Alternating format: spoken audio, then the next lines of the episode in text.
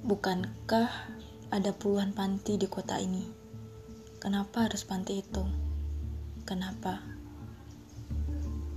Wajah menyenangkan itu menjawab, "Bagi manusia, hidup ini juga sebab akibat, Rai. Bedanya, bagi manusia sebab akibat itu membentuk peta dengan ukuran raksasa. Mengapa kau harus menjalani masa kanak-kanak yang seharusnya indah di panti menyebalkan itu? Mengapa? Karena kau menjadi sebab bagi garis kehidupan liar. Kau menjadi sebab anak ringkih, lemah, dan polos itu menjemput takdir kehidupan yang bagai seribu saputan pelangi di langit saat kematiannya tiba. Kau menjadi sebab seribu malaikat takzim mengucap salam saat menjemput diar di penghujung umurnya yang sayangnya masih amat muda. Apakah hidup ini adil?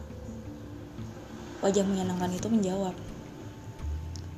Hmm, apakah hidup ini adil, Rai? Ah, sayang, kita selalu menurutkan perasaan dalam urusan ini. Kita selalu berprasangka buruk.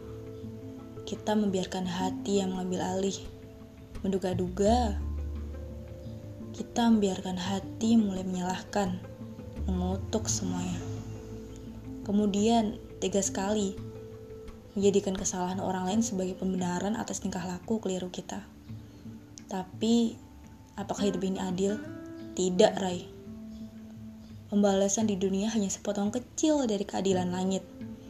Ada cara lain bagi Tuhan untuk membuat timbangan keadilan itu berjalan baik. Kau dan sebagian besar orang di muka bumi boleh jadi mengingkarinya. Tapi itu nyata.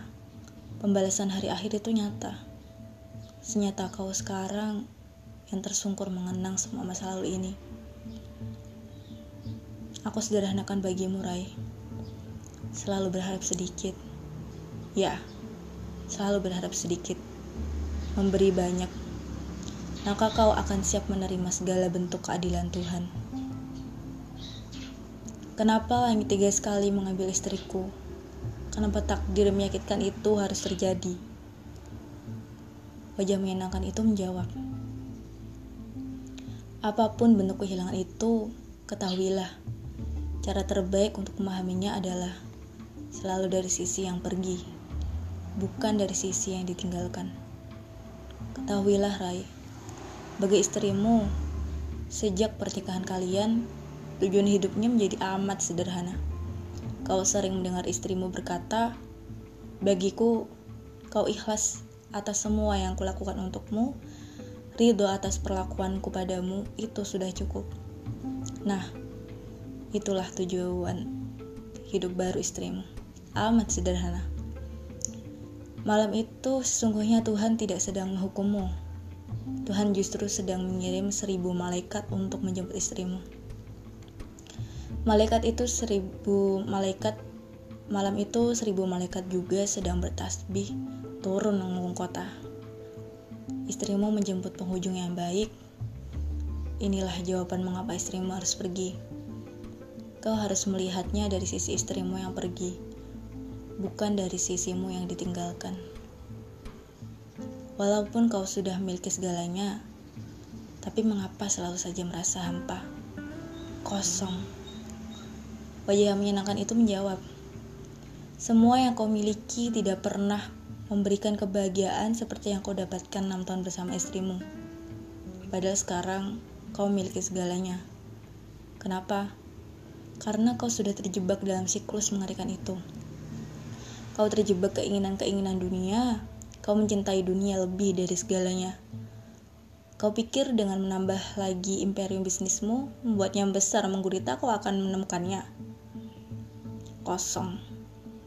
Kau hanya menemukan kosong.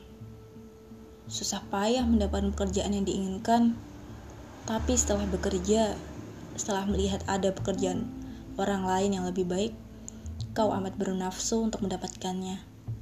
Begitu seterusnya, terjebak dalam siklus yang mengerikan itu. Mengapa Tuhan tidak menjemputnya saja langsung? Mengapa harus mengalami semua sakit ini selama enam tahun?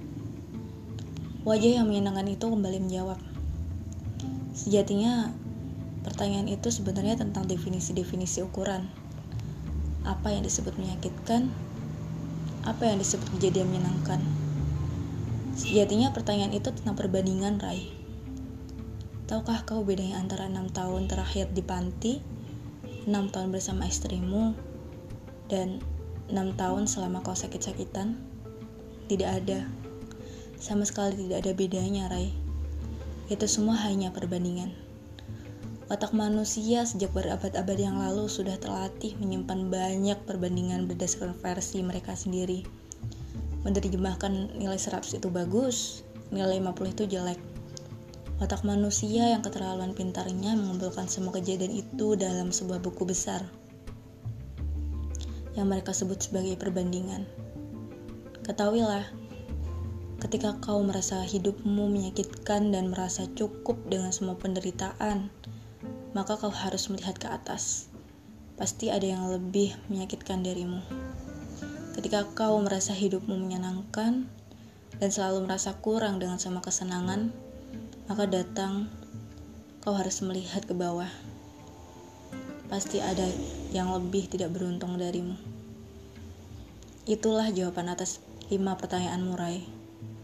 Terakhir sebelum aku pergi, sesuai janji, aku akan memberitahu kenapa kau sampai mendapatkan kesempatan hebat ini, Ray.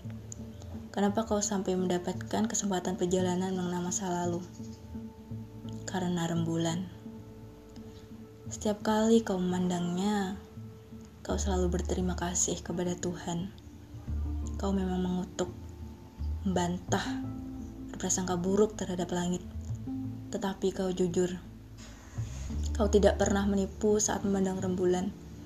Kau tidak pernah munafik. Kau apa adanya.